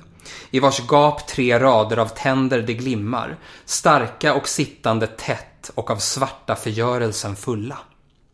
Det är ännu det Det- antalet. Ja. Ja. Men just det här med, med att det är mycket av allting. Men också det här med dubbla och tredubbla tandrader. Mm, Just det, precis. Är inte det många monster som beskrivs på liknande Jo, sätt? jo. Det är liksom, och det finns ju liksom ingen riktig rim och reson på det. När man liksom ska försöka få ihop det i huvudet. Hur Nej. det egentligen ser ut. Och sen har jag för mig också att man senare har liksom, eftersom Skylla hon beskrivs ju som att hon, att hon gläfser. Och jag för mig att det finns senare traditioner där man har beskrivit henne som att hon har hundhuvuden på de här Ja, halsarna. okej. Ja. Men jag vet inte om det är genomgående i hela traditionen eller inte. Men det förekommer i alla fall. Eh, däremot Vergilius beskriver istället Skylla så här. Så som en ung mös är hennes bröst. Hon har mänskliga former ner till sitt kön. Där vidtar ett havsvidunders enorma kropp med varginnebuk och nederst delfinlika stjärtar. Wow. Ja. Jag tänkte på det vi pratade om tidigare som Det- du tog upp Angelica med, med, och eh, med att jättarna kunde ha flera ormsvansar och du nämnde Adam att de användes som ben. Mm. Det är lite samma här egentligen att man har flera stycken delfinstjärtar. Precis, Mm. Sen tror jag att den här översättningen är lite utpräglad Ja. om man jämför med originalet. Jo. Har tagit sig lite poetiska friheter. Ja. Men det är en väldigt vacker, Ja. väldigt vacker formulering. Ja. Lite, Men vilken per- skillnad. Ja, ja. Verkligen skillnad. Fortfarande någonting som i och för sig är svårt att få ihop. Ja, huvudet, alltså ja, för sinnebilden liksom. Just det här med vaginnebuken tycker jag är Ja. lite, lite svårt. Mm. Ja, Men jag vet eh, på etruskiska askurnor så är ju vad man tror är skyllor väldigt vanligt förekommande. Och där liknar de ju den här beskrivningen lite. Eh, som jag läste från Vergilius. Men bara för att eh, gå vidare från Skylla. Charybdis däremot är ju lite speciell. Jag, jag vill ändå ta upp henne eftersom att de är ett par. De är ett gränsväktarpar i Odysseen. Och Charybdis tar formen av en malström. eh, Som suger ner alla båtar som åker förbi i sitt djup. Och hon vaktar då ett sund tillsammans med Skylla. Eh, och som jag tog upp tidigare så svarar hon då mot beskrivningen av antika monster som ett slags gränsväktare. Eh, Karybdis, hon gestaltas däremot inte som ett monster på det sättet som vi har definierat dem ovan. Så, som jag sa så är det en malström, som en virvel. Och eh, hon suger ner enorma mängder vatten tre gånger per dag. Och tre gånger per dag så spottar hon upp dem. Och det här är ju mer, mer skulle man säga, en naturkraft. Just det. Eller ett monster. Jag vet att i, i senare, jag vet inte om det var så här under antiken, men senare så finns det folk som har framställt framställt Charybdis som en enorm krabba och liknande. Men jag tror att det är mer i så här moderna Det är försök att... säkert, ja. Ja. Eh, för att man vill ha någonting utöver själva malströmmen. Vi, vi vet ju att grekerna, havet, medelhavet var ju så otroligt farligt att åka runt på. Så jag är säker på att det här med, med stora malströmmar var någonting som grekerna hade en väldigt särskild relation till. Säkert. Och Charybdis har då en sån enorm kraft att vanliga människor inte kan övervinna. Eh, d- Den här sugekraften helt enkelt. Och Homeros skriver att ej jordskakaren själv dig då kunde frälsa från fördärvet. Och jordskakaren är då Poseidon. Så istället så efter att han nästan har sugits ner hos Karybdis, så närmar sig Odysseus och hans män eh, Skylla. Eh, som då bor på den här klippan. Eh, Och Skylla slukar flera av Odysseus män. eh, Så att, och medan hon gör det så kan de ta sig förbi. Och då skriver Homeros så här. Uppe i klyftans gap hon dem åt och förfärligt de skreko. medan de armarna sträckte mot mig i sin gruvliga dödskamp. Detta det rysansvärdaste är som jag någonsin skådat, fast jag så mycket bestått, medan havets vägar jag utrönt. Det är lite intressant parallell där med cyklopen. Att cyklopen tar ju också upp hans män och verkligen Precis. gör dem till kvällsvard. Så kommer, och det är alltid, de här männen möter verkligen brutala öden hos de här monstren. Och även då så, apropå att monster alltid ska vara skräckinjagande, så säger ju Odysseus där att det hon gör, det beteendet som Skylla uppvisar, det är det som är det rysansvärdaste. Just det. Så då har vi alltså det här hybridvidundret som också beter sig otroligt monströst. Sen lite intressant, eh, apropå att Charybdis kanske inte kan definieras exakt som vi har definierat monster. Men man får väl kanske ändå säga på något sätt att Charybdis är ett slags monster. Kanske. Ja, eller i alla fall så benämns det kanske i Odysseen med den Ja, med just i, i den sorten, i den rollen. ja en säga. naturkraft Ja, eller ja precis. precis. Alltså, jag tänker mest att Charybdis är namngiven. Ja, Ja. Man pratar om det som en, alltså, en levande sak. ja. Och att det då blir Visst är ett väl båda, monster. eh, jag, jag tänkte inte fel nu, båda är könade som kvinnor. Ja, jo, det, det precis. Jag Jag, tycker Ja. precis. Skylla slutar i alla fall på ett feminint Ja. sätt i ordet. Så att säga. Jag har för mig att Charybdis också, jag, jag, jag vill inte ha begått ett misstag här Mm. Nej. och felkönat Charybdis hela Nej, men jag jag har samtalet för mig som sagt att båda benämns som feminina. Ja, och vi var, har ju varit inne på tidigare att det är väldigt vanligt att monster är kvinnliga. Ja. Mm. Inte alla, men det är Nej. många. Eh, men i vilket fall som helst eh, så varnade då Kirke också för sirenerna. Mm. De sjungande sirenerna. Och det är säkert många som när, när jag läser namnet sirenerna så tänker man säkert på kvinnor som har fågelliknande drag eller, eh, eller ja, någonting likartat. För det är ofta så de har framställts senare. Men Homeros själv beskriver aldrig hur, hur sirenerna ser ut. Eh, Det vi vet är att de är två stycken. Eh, För böjningsformen indikerar att de är två. Och att de är förtrollerskor men med ett monströst beteende. För Homeros skriver nämligen så här. Ty med sin klingande sång sirenerna honom bedåra ifrån den blommande äng där de sitta. Där kring dem en massa ligger av multnande människoben med rester av huden. Det, ja. Så de är alltså, om vi ska se dem som människoliknande. Det vet vi ju inte för vi har ju inte sån uttömlig, då, då är de mer kannibaliska. Precis, exakt. Och då är det deras beteende som gör dem monströsa i Precis. vilket fall. Ja. Men vi vet ju, jag sitter ju här nu, eller vi sitter här med Lag, Lagerlöfs översättning av, av, av Odysseen. Och på omslaget Just det. så är det ju sirenerna som är framställda med fågelkroppar och kvinnohuvuden. Just det. Ja. Och där liknar de ju lite mer så som man beskriver harpyor i den antika traditionen. Mm.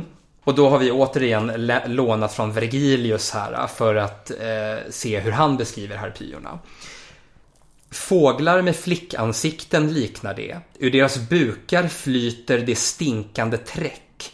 De har krökta klor och är ständigt bleka av hunger. Och där låter det lite mer som hur eh, sirenerna framställs. Exakt, precis. ja, verkligen. Kanske lite mer monströs med det stinkande träcket och Ja, allt det det där. är precis. Men ja, Det är exakt. Å andra sidan så är det liksom oftast, också jag tänker just med sirenerna så är det ju inte deras utseende som är det Nej. lockande.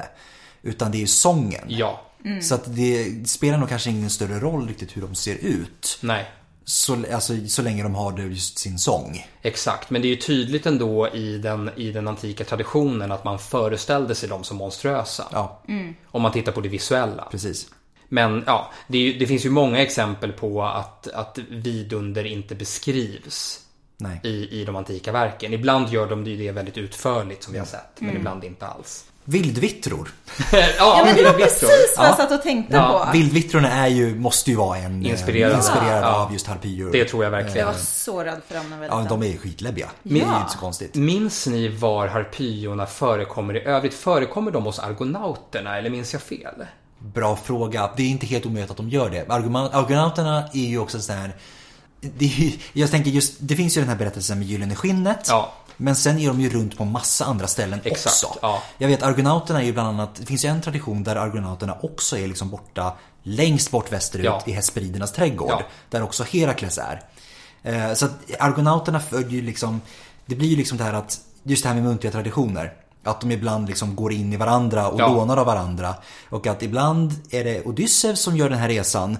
Ibland är det Argonauterna som gör samma resa Ja. och såna här saker. Så det, det är inte alls omöjligt att det är bland, blandat i, i det. Där har vi också ett problem som man ser i väldigt mycket antik eh, litteratur eh, och även det visuella. Att det är många lokala och regionala traditioner som sammanblandas och, som har, och som har lämnats till oss. Och Precis. sen, och sen är, är det vårt uppdrag att försöka hitta någon röd tråd mellan alla de här sakerna. För det är liksom som vi har pratat om också just att varje stad har ju liksom ofta sin grundarmyt.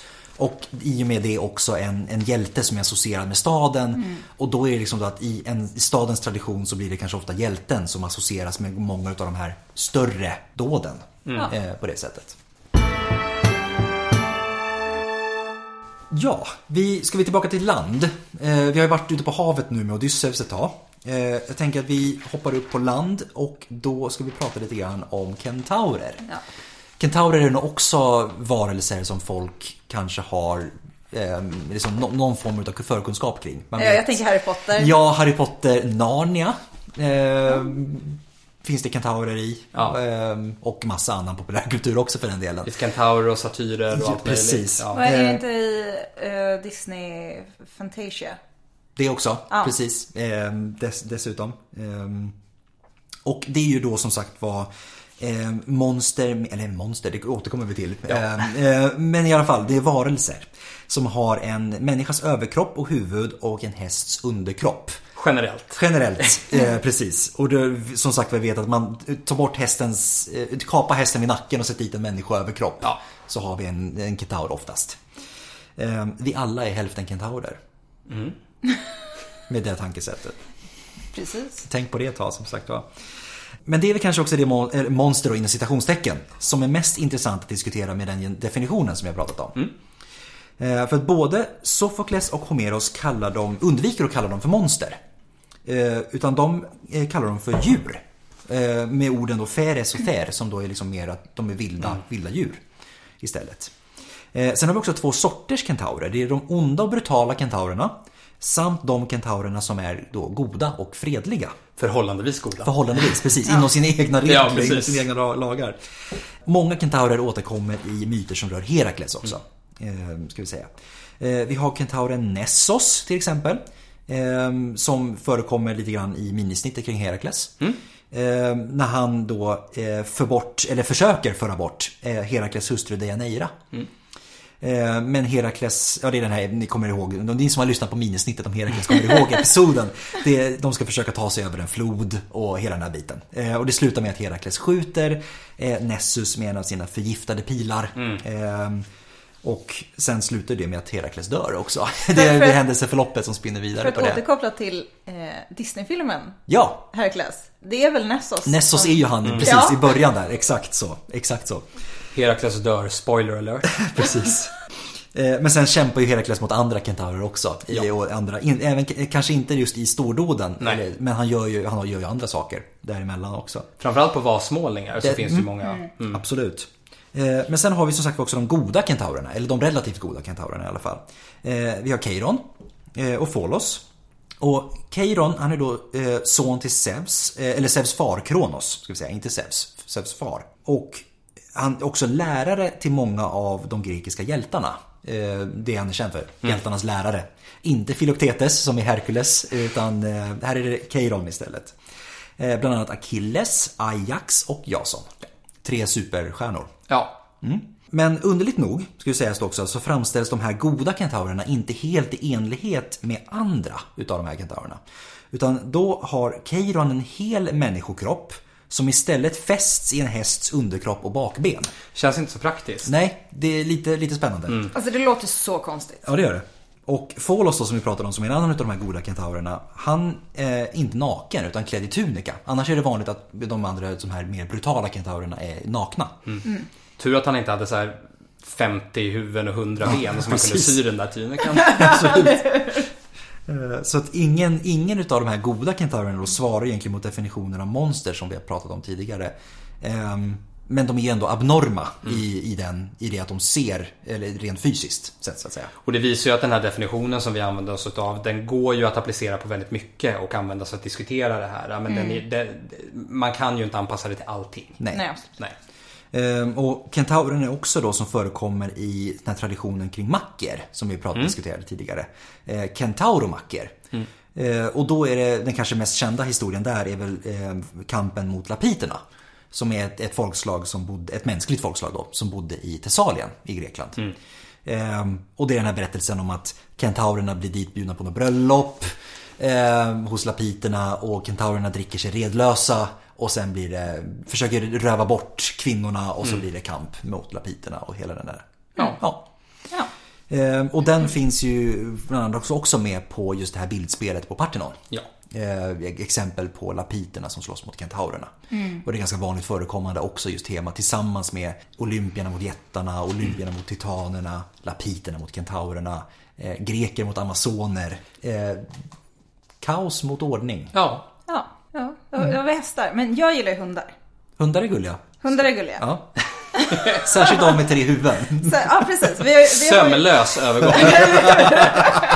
I'm a pro! Och då, då, vi har ju redan tagit upp eh, Orthos. Som hade, eh, det var en hund med eh, två huvuden. Två huvuden. Yes. Ja. Och då har vi ju en hund med tre huvuden. Eller 50. Eller 50 Eller huvuden. 50. som vi redan nämnt. Eh, Kerberos. Och eh, Kerberos var, eh, han vaktade underjorden. Helt enkelt. Yes. Väldigt eh, bra, eh, konkret jobb. Eller vad man ska säga. Ja. Han, han jobbade som bouncer. Ja, precis. Han var bouncer liksom. Eh, Och han var barn eh, till Tyfon och Echidna. Och eh, enligt eh, Siodos så hade Kerberos 50 huvuden då. Eh, men de flesta antika källorna säger tre huvuden. Och det kan man ju även se på vasmålningar. Svårt att få med 50 huvuden på vasmålningen. Lite klurigt. Lättare att få dit tre. Ja, Li- lite lättare. det är lite lättare. Eller- Absolut. Ja. ja. Eh, Beror på hur stora huvudena är för sig. Ja, ja precis. Jag tänker man kanske gjorde det lite lätt för sig. Han har 50 huvud. Äh, vi tar tre. Tre är bra. Yes. eh, Vi har redan sagt det, tre är ett bra antal. Eh, Men förutom de här tre huvuden så kunde man, han även eh, framställas med typ eh, ormsvans och eh, ormar på ryggen. Och, och det gör honom liksom, ju, han blir ju en hybrid eh, så att säga. Eh, och med en eh, association till det ktoniska eller underjordiska. Ja, och det var liksom ett vanligt sätt att indikera en eh, ktonisk koppling i eh, konsten. Ormen som sagt. Ja. Ormen. eh, Precis. Vi, vi återkommer ständigt till ormarna här. Men, ja. För det är just som sagt var Ormen är kräla på marken och det ja, finns få saker som är så otroligt starkt kopplade till marken rent konceptuellt som en orm. Det, det ska också nämnas att många av de järtecken som vi nämnde att eh, monsterbegreppen kunde användas för i början eh, innefattade ormar. Så ormen är den gemensamma nämnare i det här Yes. monsteravsnittet. Oh. Fick ni lära er ett bra ord också för övrigt? Ktonisk. Toniska. Ja. Eh, och det är då alltså betyder helt enkelt underjordisk. Och jag ska, det är ett av mina favoritord. Ja. Från antiken. Yes, absolut. Och det är sådana som förekommer ofta. Man pratar om de olympiska gudarna och de ktoniska gudarna. Ja, och om man börjar studera antiken i Sverige, då är två av de orden som man kommer gilla bäst i början, som man hör väldigt mycket, det är ktonisk och det är eh, ehm, eh, libationsoffer. Ja, absolut. Vilket är väldigt roligt att göra. Ja, dryckesoffer. Det är, Ja. är det absolut. Eh, men eh, Kerberos då, eh, underjordisk. Eh, men, ska jag spoila lite? Du ska spoila. Nej men det, det behöver du inte göra. För att vet du vad? När det här avsnittet sänds så har den sista storrådstorsdagen varit. Ah, Oh! Okej, Det var inte ni- alls planerat utan det bara var en fantastisk samman... eh, Ja, Som, ja, ni, som ni har sett på vår Instagram, eh, den sista stordådstorsdagen, Mm. eh, är det att Herakles för upp Kerberos till ytan. Ja. Det var hans sista Det stordåd. var hans sista stordåd. Ja. det är lite som att få ut katten ur buren när man har varit hos veterinären. Exakt så. Särskilt om katten har tre huvuden. Precis. Och massa ormar. En ormsvans. På tal om ormsvans så kan vi eh, gå vidare till en, ett annat monster och en annan grekisk hjälte. Kanske en, den grekiska hjälten med ett utav de underligaste namnen. Ja, det kan man säga. Bellerof, bellerofon? Bellerofon? Bellerofon, ja. Bellerofon. Ja, Ja. det är så jag Ja. tror att man ska uttala det Jag också. tror, aldrig, fakt- jag tror faktiskt aldrig hört någon uttala hans namn. Jag har hört det uttalas på engelska, men jag vill Ja. inte använda det, det engelska uttalet i podcasten. Jag vill inte utsätta er lyssnare. Bellerofon, tror vi på. Bellerofon. Bellerofon. Ja, den grekiska hjälten eh, Bellerofon. Ja. Eller, eller Bellerofon. Precis. eh, skickas av sin svärfar eh, på ett omöjligt uppdrag. Det är de där svärföräldrarna igen. Ja, det är återigen plastpappor och svärföräldrar. Och Poseidons tjur. Ja, precis. Och Poseidon själv för det delen också. Poseidon själv. Ja. Eh, eh, skickas för att förgöra vidundret Chimaira. Som är ett eldsprutande monster med lejonkropp och lejonhuvud och ett gethuvud och en ormsvans. Det här monstret brukar se väldigt lustigt ut när man ser det avbildat på gre- i grekiska vasmålningar. Ja. Lite komiskt kan jag tycka. Det här gethuvudet känns Ja. ju väldigt... man- Gethuvudet ja. ser lite, det ser lite ut som att det har såna här roliga ögon som man köper i så här craft stores och sätter på, googly på eyes. fluttkulor. ja, lite såhär googly eyes. Ja, och eh, vad ska man säga? Han förgör eh, Chimairan med hjälp av Pegasos. Mm. Och det är ganska intressant för Pegasos, för att återkoppla till en tidigare myt, föddes ur Medusas huvud. Oh, efter att huvudet hade blivit avhugget. Mm. Och där ser vi ett jättebra exempel återigen på hur ett monster, för Pegasus är ju faktiskt strikt eh, talat ett monster. Just det. Eh, men det här monstret tämjs av hjälten och används av hjälten för att besegra ett annat monster. Yes. Också kul för övrigt just med Pegasus är ju att i populärkulturen så förekommer ju Pegasus väldigt ofta Ja. och är väldigt välkänd. Men det är aldrig Bellerofon som är associerad med honom. Nej. För i Disneys Hercules så är det Hercules som har Pegasus. Ja. Och i Clash of the Titans som vi pratat om tidigare så är det Persev som Ja. har Pegasus. Men det, jag säger, det är någonting med namnet. Man vill inte behöva ta det här namnet i Nej. sin mun. Precis. Så vi undviker honom helt och hållet. Ja, det är bra. Jag måste också säga att Pegasus har lite eh, trigger warning för mig. För att jag, jag, jag, en gång så såg jag på ett avsnitt av det här programmet Vem vet mest? Ah, Och då var frågan Vem var Pegasus? Och ingen i panelen kunde svara på det. ah, det är pinsamt. Och där har vi ett exempel, kära lyssnare, på varför mer antikundervisning behövs i Sverige. Japp. Det är så ni kan vinna pengar i Vem vet mest?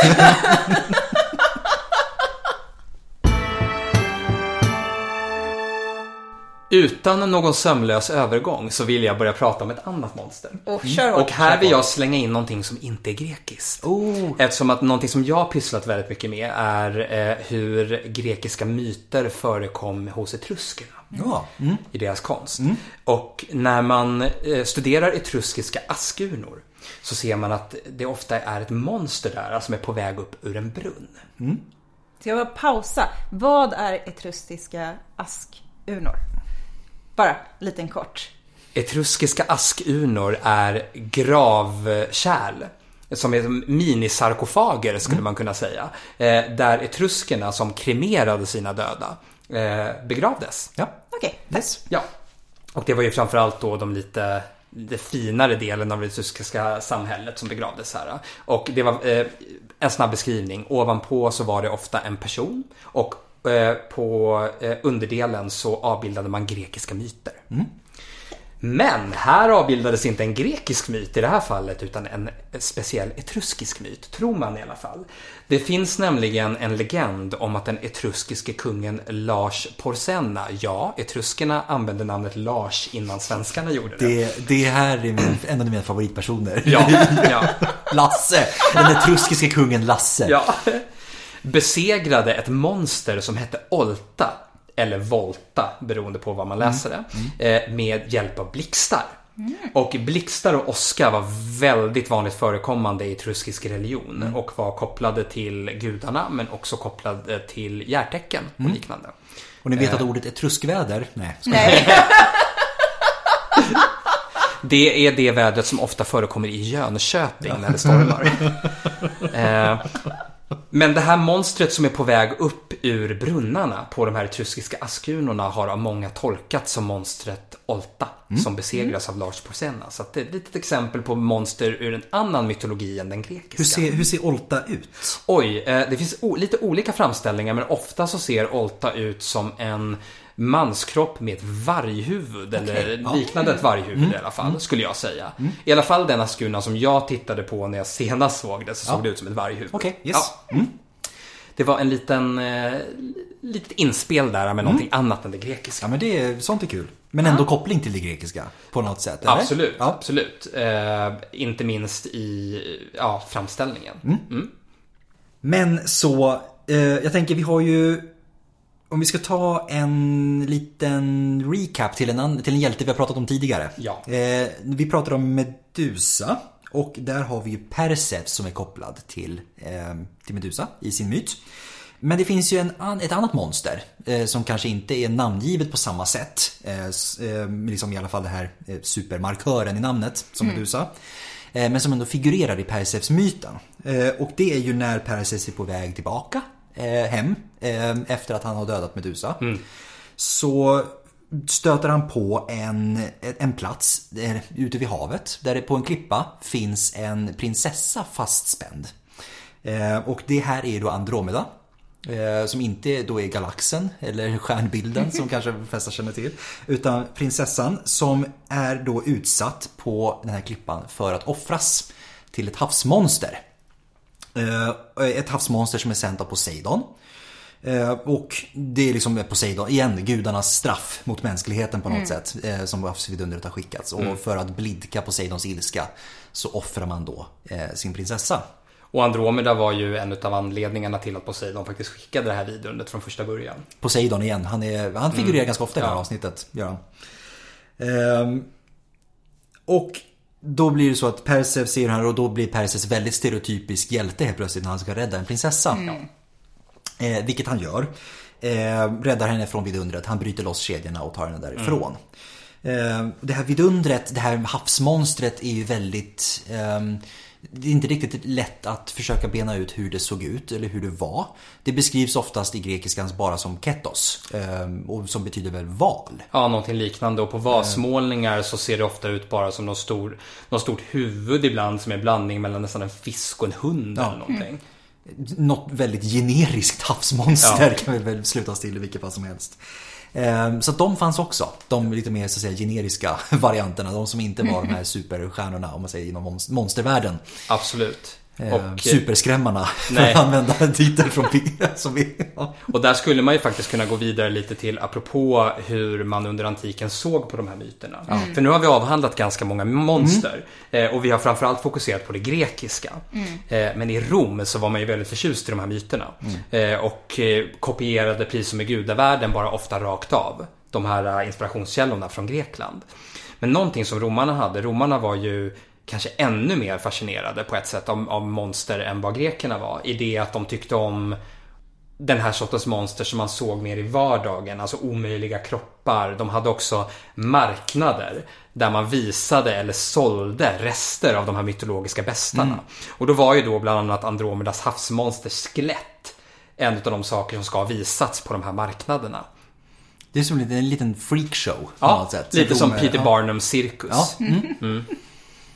Ja men det är, det, det, är ändå, det är ändå kul på något sätt. För då blir det liksom också det här man försöker vad heter det, tjäna pengar på Ja. monstermyterna. Jag säga, det, det, finns samtidigt. en, eh, det finns en film som jag tror är från 60-talet där man försöker gestalta hur eh, det här havsmonstret ser ut. Mm. Och där ser det ut som en blandning av en stor så här, lus och en eh, eh, krabba och en myra. Det är inte riktigt så som jag föreställer mig det. Nej, inte riktigt. Kanske snarare som det bibliska Leviatan. Ja, Det här precis. stora ja. monstret. Som också beskrivs väl lite grann som en monstruös val. Ja. Så då är vi liksom tillbaka där. att Det är liksom, ja, det här ja, generiskt stora havsdjuret. Ja, som, precis. Med fenor och grejer. Ja. Ja. Det, då har vi, vi har tagit oss igenom en monstervärld. Ja, med Eller- eh, ja, vidunder med väldigt många huvuden. Många Det är så huvuden, många ben, händer, tänder. Många kroppar. Ja. Många vissa kroppar. fall. monster som Ja. gudarna sänder. Precis. Ja. Monster som gudarna skapar. Ja. Ehm, Och monster som gudarna styr precis. Ja. Ja. Vi har inte talat om det största monstret. Nej, jag skojar. det största monstret av dem alla, människan. Nej. Nej. Det största monstret bär vi alla inom oss själva. Precis. Och med det bombnedslaget så vill vi tacka för att ni har lyssnat på det här avsnittet. Ja, och Ehm, framförallt tacka för att du ja. ville vara med här. Och jag vill tacka så jättemycket för att jag fick komma hit och prata. ja. Men det var bara trevligt. Vi får se om det blir någon mer gång. Jag avslutar med lite ASMR. Du är varmt välkommen tillbaka för att du skulle vilja komma Absolut. tillbaka. Ehm, så att ja, ehm, det var allt för oss för den här gången. Ja. Eh, vi finns såklart på Instagram och Facebook. Följ oss gärna där. Ja, om ni vill komma i kontakt med oss så kan ni även skriva till oss på podiuskastus.gmail.com.